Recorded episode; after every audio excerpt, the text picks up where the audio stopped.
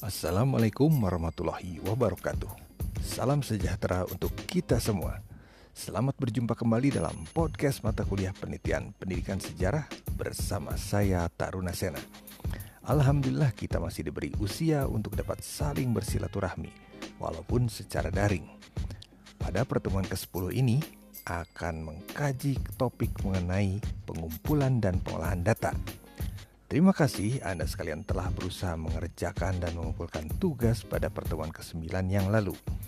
Melalui podcast kali ini diharapkan Anda sekalian dapat mengidentifikasi dan mendeskripsikan proses pengolahan data penelitian pendidikan. Di pertemuan ini, Anda sekalian diminta mencari dan mengkaji pengertian pengolahan data penelitian, tujuan dan jenis-jenisnya.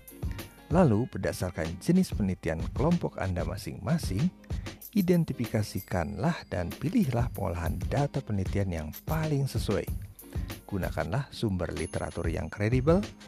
Tugas ini dibuat dalam bentuk Word dan PowerPoint bersuara serta dikumpulkan paling lambat pada tanggal 14 November 2020 pukul 14.00.